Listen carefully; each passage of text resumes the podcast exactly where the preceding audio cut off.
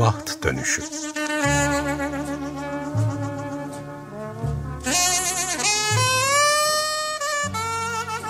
Kısa öykü okumaları ve büyüme biçimleri Hazırlayan ve sunan Ayşe Görür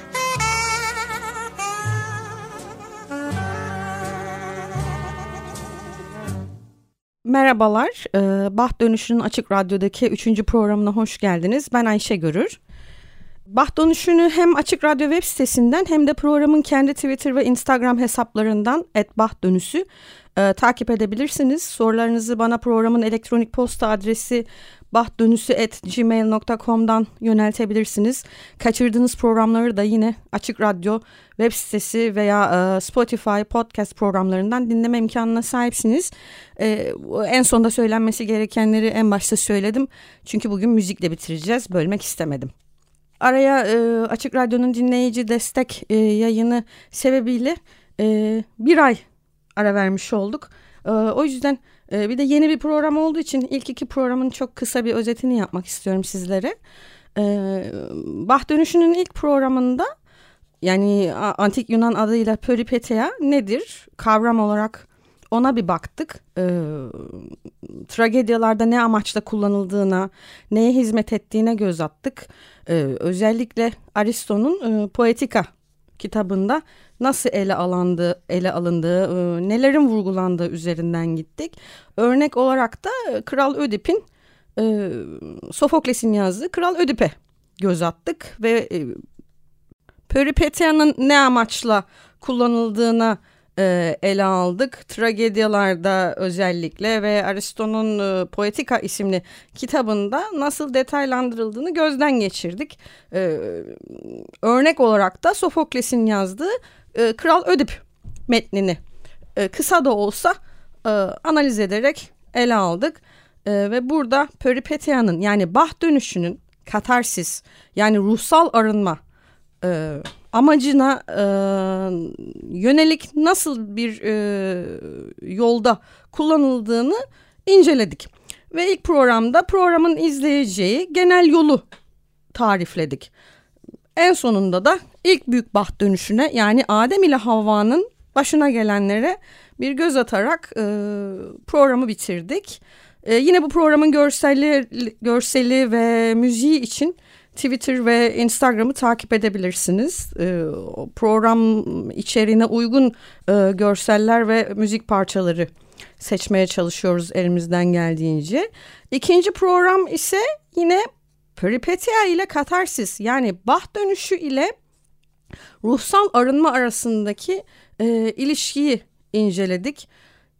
Artık ama bah dönüşünün antik Yunan'daki ismiyle Peripetia'nın dramatik bir türdeki işlevselliğinden bir erek e, uğruna kullanılışından modern zamanlarda özellikle kısa öyküde bir anlayış ve bir kavram ve hatta bir teknik olarak kullanımına nasıl e, geçildiğini edebiyat dünyasında nasıl geçildiği üzerinde durduk. Artık e, soylu kahramanın kadersel hatası sebebiyle deneyimlediği düşüşe veya yazarın seyircide uyandırmaya çalıştığı e, korku ve acıma duyguları vesilesiyle arınmaya yani katarsise değil de tanrıların yerini alan sistem deyin, düzen deyin, toplumsal çatışmalar deyin, kısaca modern dünya içinde eriyip giden karakterin yani sıradan insanın modern edebiyata girişi ve Baht dönüşünün onun edebiyata girişiyle artık ne ifade ettiğine biraz göz attık. Bundan sonra da zaten e, ağırlıklı olarak bu konu üzerinde duracağız. Yine e, bu programda da sevgili e, program müzik direktörümüz Erkan Atbaş bize Nick Cave'den iki parça seçti. The Weeping Song ve Push the Sky Away. Bunları hatırlatmamın sebebi de Baht Dönüşü'nün ana görseli Erkan Atbaş'ın önerdiği Push the Sky Away'e neredeyse birebir oturan e, bir orta çağ gravürü. E, siz renklendirilmiş halini görüyorsunuz Twitter'da ve Instagram'da. E, ismi de e, yani bu arada anonim bir eser. İlk defa bu Flammarion gravürüne Camille Camille e, Flammarion'un 1888 L'Atmosfer Meteoroloji Popüler adlı kitabında görüyoruz. Ee, orada da şarkıya o kadar oturuyor ki bu cümlede ee, şöyle bir şey yazıyor gravürün altında. Orta çağdan bir misyoner gökyüzünün ve dünyanın temas ettiği noktayı bulduğunu söyler. Ben de şarkının ve bu gravürün bu konuşmasına, diyaloğuna bayılıyorum. O sebeple böyle bir detaya girdim. Tekrar konumuza dönmek e, gerekirse ikinci programda yine Bach dönüşünün modern trajediye bakış ve sıradan insanın da hikayeye girişini inceleyen Raymond Williams'ın görüşlerine yer verdik. Ee, yani bizlerin artık modern insanın büyük yıkımlardansa nostalji ya da melankoli hatta kişisel yok oluşun pençesinde nasıl çırpındığımıza yani bizlerin bireyin sıradan insanın mini destanını dinlemeye biraz kulak verdik. Artık üstelik bizim kendi dünyamızda da okuduğumuz parçalarda da kahraman da demiyoruz. Karakter. Soylu da değil. Üstelik artık bir düşüş de söz konusu değil. Yani varsa bile Ödipinki, Kral Ödipinki gibi bir düşüş değil. Tanrıların iradesinin ve kadersel hatanın yerini toplumsal çelişki ve çatışmaların aldığı bir çağdayız artık. Ama yine de bah dönüşü bir teknik olarak bilgisizlikten bilgiye geçilen anlarda aydınlanma anlarının yaşandığı noktalarda hala kullanılan bir edebi teknik. O zaman baht dönüşü modern çağda günümüzde neye yarıyor? Biz bundan sonraki programlarımızda buna bakacağız. Baht, modern trajedinin özünde baht dönüşünün işlevi karakterin dönüşümünde yatıyor. Biz baht dönüşünde bu dönüşümü bir tür büyüme süreci olarak inceleyeceğiz. Ne şekilde inceleyeceğiz? Ee, metnin kurgusuna ya da yazarın tercihine göre anlatıcının, karakterin ve okuyucunun aydınlandığı anlar eş zamanlı olabiliyor, farklılaşabiliyor. Okuyucu ve yazar aynı anda büyüyebiliyorlar. Okuyucu ve karakter aynı zamanda büyüyebiliyorlar veya karakter yitip gidiyor, okuyucu aydınlanıyor gibi gibi farklı farklı büyüme biçimleri var. Bir de bunu incelemiş olacağız. Ee, bu geçişleri iyi anlatabilmek için de ikinci programda Hamlet'e örnek vermiştik. Yine podcastlerden ona da bakabilirsiniz. E, lafı uzatmadan e, bugün ve devamında neler yapacağız artık kısa öykü okumalarına başlayabiliriz. Sıradan insanın hikaye girişini Çehov'la melankoli ve kaygının katarsisin yerine alışını da Poe ile kutlamaya başlayabiliriz. E, bugün sizinle e, Edgar Allan Poe'nun The Fall of the House of Usher e, Tormis Uyar'ın çevirisiyle aşırın çöküşüne göz atacağız. Aşırıların çöküşü korku edebiyatının ve kısa öykünün büyük ustalarından Poe'nun en çarpıcı hikayelerinden biri. E, gotik unsurlarla son derece e, etkili bir şekilde bezenen bir öykü.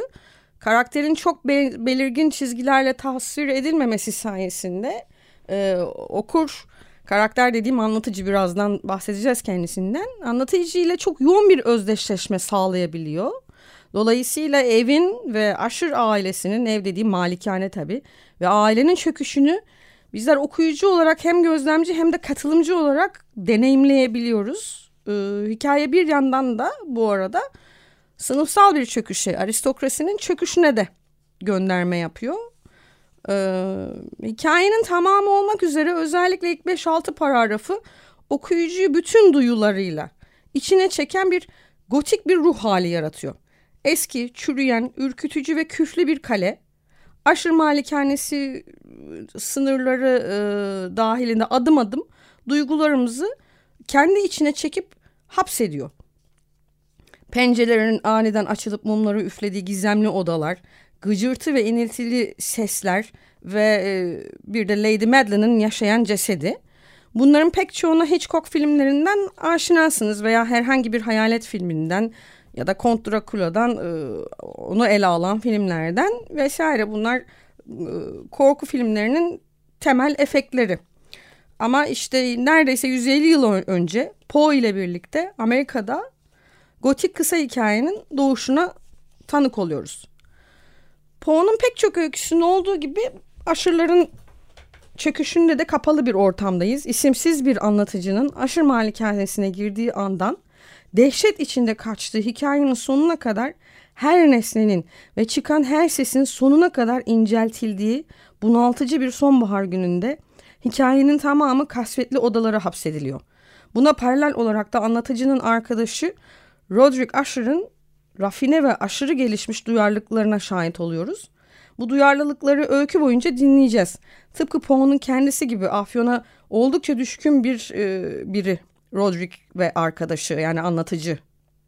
Adı hiç e, zikredilmiyor. Dediğim gibi yani o okuyucuyla özdeşleşmeyi büyük oranda sağlayabilmek için bıraktığını düşünüyoruz.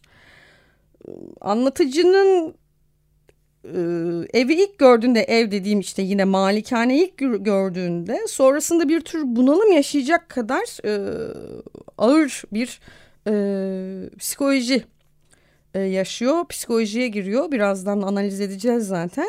Hatta evin görüntüsüne o kadar kapılıyor ki onu afyon kullanımı sonrası etkilerle e, ilişkilendiriyor, benzetiyor. Yani bir tür ayılma sancısı yaşıyor. Ben e, Edgar Allan Poe'yu iki seans, iki yayın, iki program düşündüm. E, ikinci programda metnin eleştirel analizine bakacağız.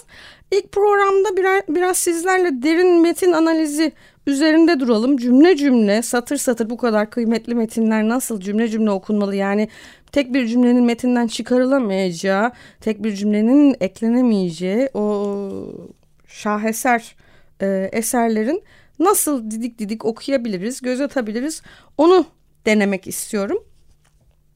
Ee, bu okumayı da yine sevgili müzik direktörümüz Erkan Atbaş'ın Aşırıların çöküşü için seçtiği North Atlantic Drift grubuna ait Albatros e, parçası fonda çalarken yapmaya çalışacağım. E, umarım ne müziği ne de hikayeyi bozmadan e, bu işin altından kalkabilirim. Ee, süremiz ne kadarına yetecek bilmiyorum. Ben e, bir biraz metin analizi yaptıktan sonra okuyarak e, kaldığımız yerden e, müzik devam edecek. Biraz müziğin de tek başına keyfini çıkarın diye düşündüm. İki hafta sonra Poe'nun eleştirel teorilerini, hayat hikayesini ve bu metnin tamamının analizini kaldığımız yerden devam ederek yapacağız. Son cœur est un luth suspendu, sitôt qu'on le touche il raison. Ee, de Beranger epigrafiyle başlıyor aşırıların çöküşü. Ee, sevgili Tomris Uyar çevirisinde Fransızca bırakmış çünkü Poe da öyle bırakmış. Ee, ama bunun hani Türkçesi aşağı yukarı kalbi suskun bir uddur. Dokunulduğu anda titrer. Neden böyle bir alıntı yaptığını birazdan daha iyi anlayacağız. Ben e, metni okumaya başlıyorum müzik eşliğinde ve ara ara analizinde yapmaya çalışacağım. O yılın gözünde donuk, karanlık, ıssız ve bulutların iç karartıcı bir basınçla tepelere çökeldiği bir günü at sırtında tek başıma eşine az rastlanır kasvette bir yörede geçirmiştim. Neden sonra akşam inerken aşırıların hüzünlü malikanesi uzaktan göründü. Nasıl bilmiyorum yapıyı görür görmez katlanılmaz bir eziklik çöktü içime. Katlanılmaz diyorum çünkü bu duygu kişi oğlunun ıssızlığa ya da dehşete ilişkin en acımasız doğal imgeleri bile sırf taşıdıkları şiirsellik payından ötürü azıcık benimsemesini sağlayan herhangi bir avuntudan yoksundu. Karşımdaki manzaraya baktım. Yalnızca eve ve çevresindeki yalın yer şekillerine, kıra, rüzgardan aşınmış duvarlara, gözleri andıran oyuk pencerelere, cılız bataklık sazlarına ve çürümüş ağaçların beyaz gövdelerine. Birdenbire müthiş yoğun bir çöküntü bastırdı. O kadarına ki ille bu dünyadan bir benzetme getirmek şartsa bir afyonkeşin düş sonrasında benzetilebilir. Gündelik yaşama geçişin verdiği acı, aradaki tülün hoyratça sıyrılışı, bir buzluluk, bir iç yıkıntısı, bir ürperti, onulmaz bir dehşet duygusu. Kişi hayal gücünü ne kadar zorlarsa zorlasın bu duygunun yüceltilecek yanını bulamıyordu. Ne o diye duraladım. Aşırların malikanesini düşünürken dengemi böylesine sarsan şey ne? Çözülmez bir gizdi. Kafama üşüşen, belirsiz loş fantazilerle baş edemiyordum. İster istemez hiç de doyurucu olmayan bildik başlangıca geri döndüm. En basit doğal nesnelerin bizi derinden etkileyebilecek bileşimleri vardır. Ama onu çözümleme yetisi bizim ulaşamayacağımız bir derinlikte yatar. Belki de dedim, yalnızca görüntüye yeni bir biçim vermek ya da resmin ayrıntılarını yeniden düzenlemekle bu hüzün verici izlenim azıcık değiştirilebilir ya da hepten giderilebilir. Böyle düşünerek atımı malikanenin yanı başındaki kırışıksız bir ışıltı saçan, kara ve parlak dağ gölünün yamacına sürüp aşağılara baktım. Ne var ki boz sazların, hortlaksı ağaç köklerinin ve gözümsü oyuk pencerelerinin yeniden biçimlenen ters olan imgeleri tüylerimi eskisinden de beter ürpertti. Şimdi bu paragrafa baktığımızda gotik edebiyatın bütün öğelerini yani bütün değil de çoğunu e, görüyoruz. E, donuk, karanlık, ıssız, bulutların iç karartıcı bir basınçla tepelere çöktüğü bir gün. At sırtında bir karakter, kasvetli bir yöre, e, hüzünlü bir malikane, e, içe çöken eziklik duyguları, katlanılmaz e, basık e, duygu halleri, ıssızlık, dehşet, e, ondan sonra gözleri andıran oyuk pencereler, cılız bataklık sazları, çürümüş ağaçlar. Yani o kadar çok anahtar sözcükle giriş yapıyor ki zaten Poe ve sonra bir Afyonkeş'in düş sonrası yani ayılma sancısına benzetiyor gördüğü şeyler karşısında yaşadığı dehşeti ve e, bir türlü şuna cevap veremiyor bu paragrafta. Dengemi böylesine sarsan şey ne? Malikaneyi gördüğümde içine girdiğim ruh halinin adı ne?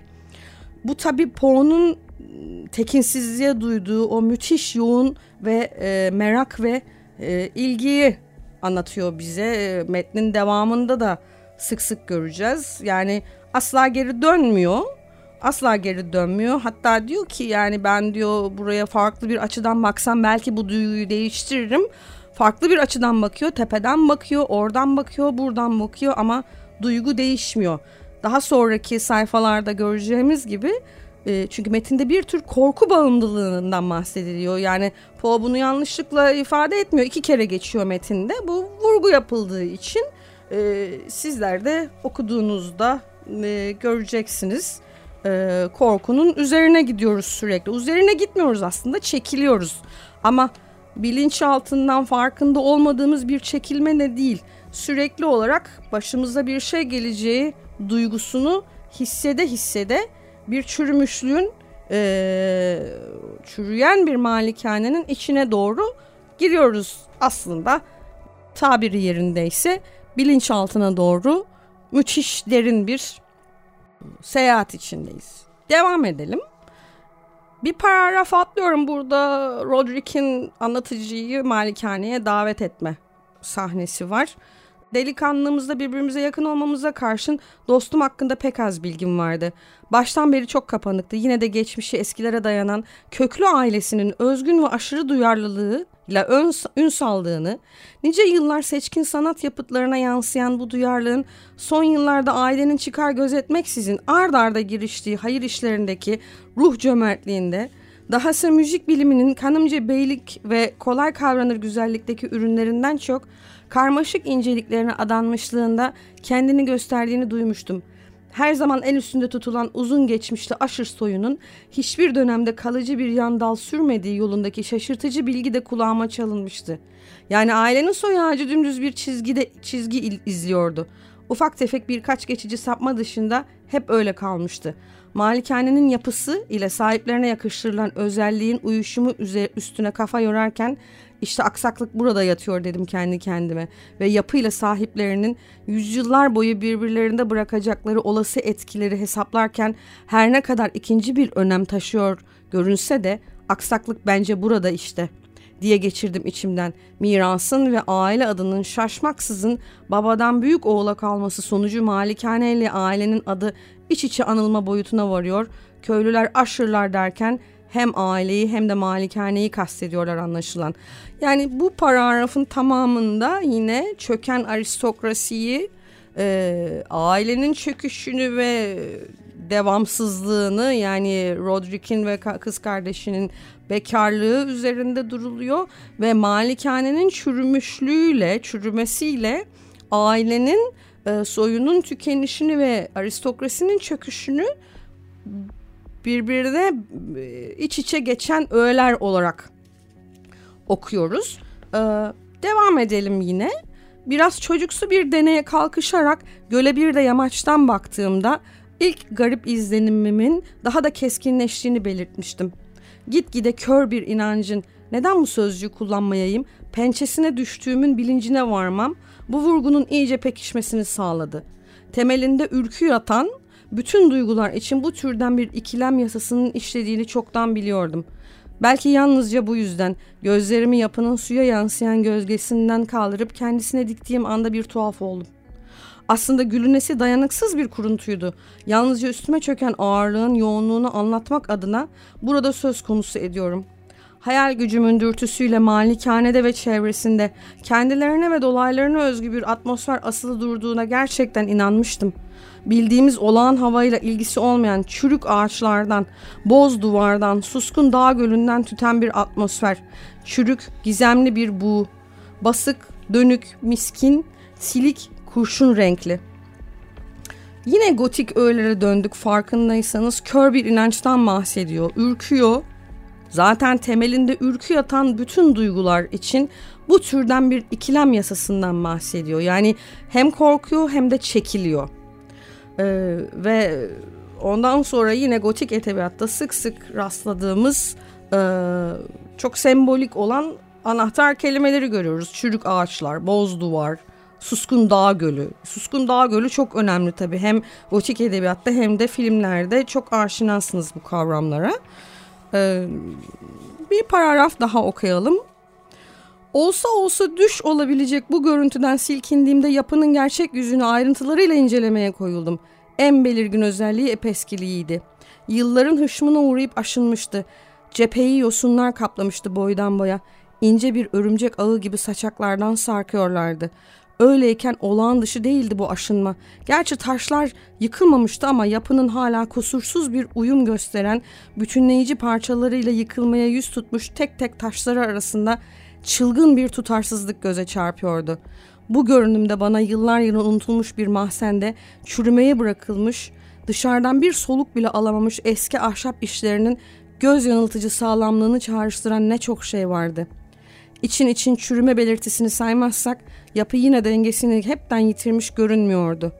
Ancak cepheye bakan çok dikkatli bir göz çatıdan başlayıp duvar boyunca zikzaklar çizerek inen, sonra da gölün karanlık sularına karışan belli belirsiz bir çatlağı fark edebilirdi. Buradaki çatlak çok önemli. Burada yazar bir çeşit ön bilgi veriyor yani foreshadowing yapıyor.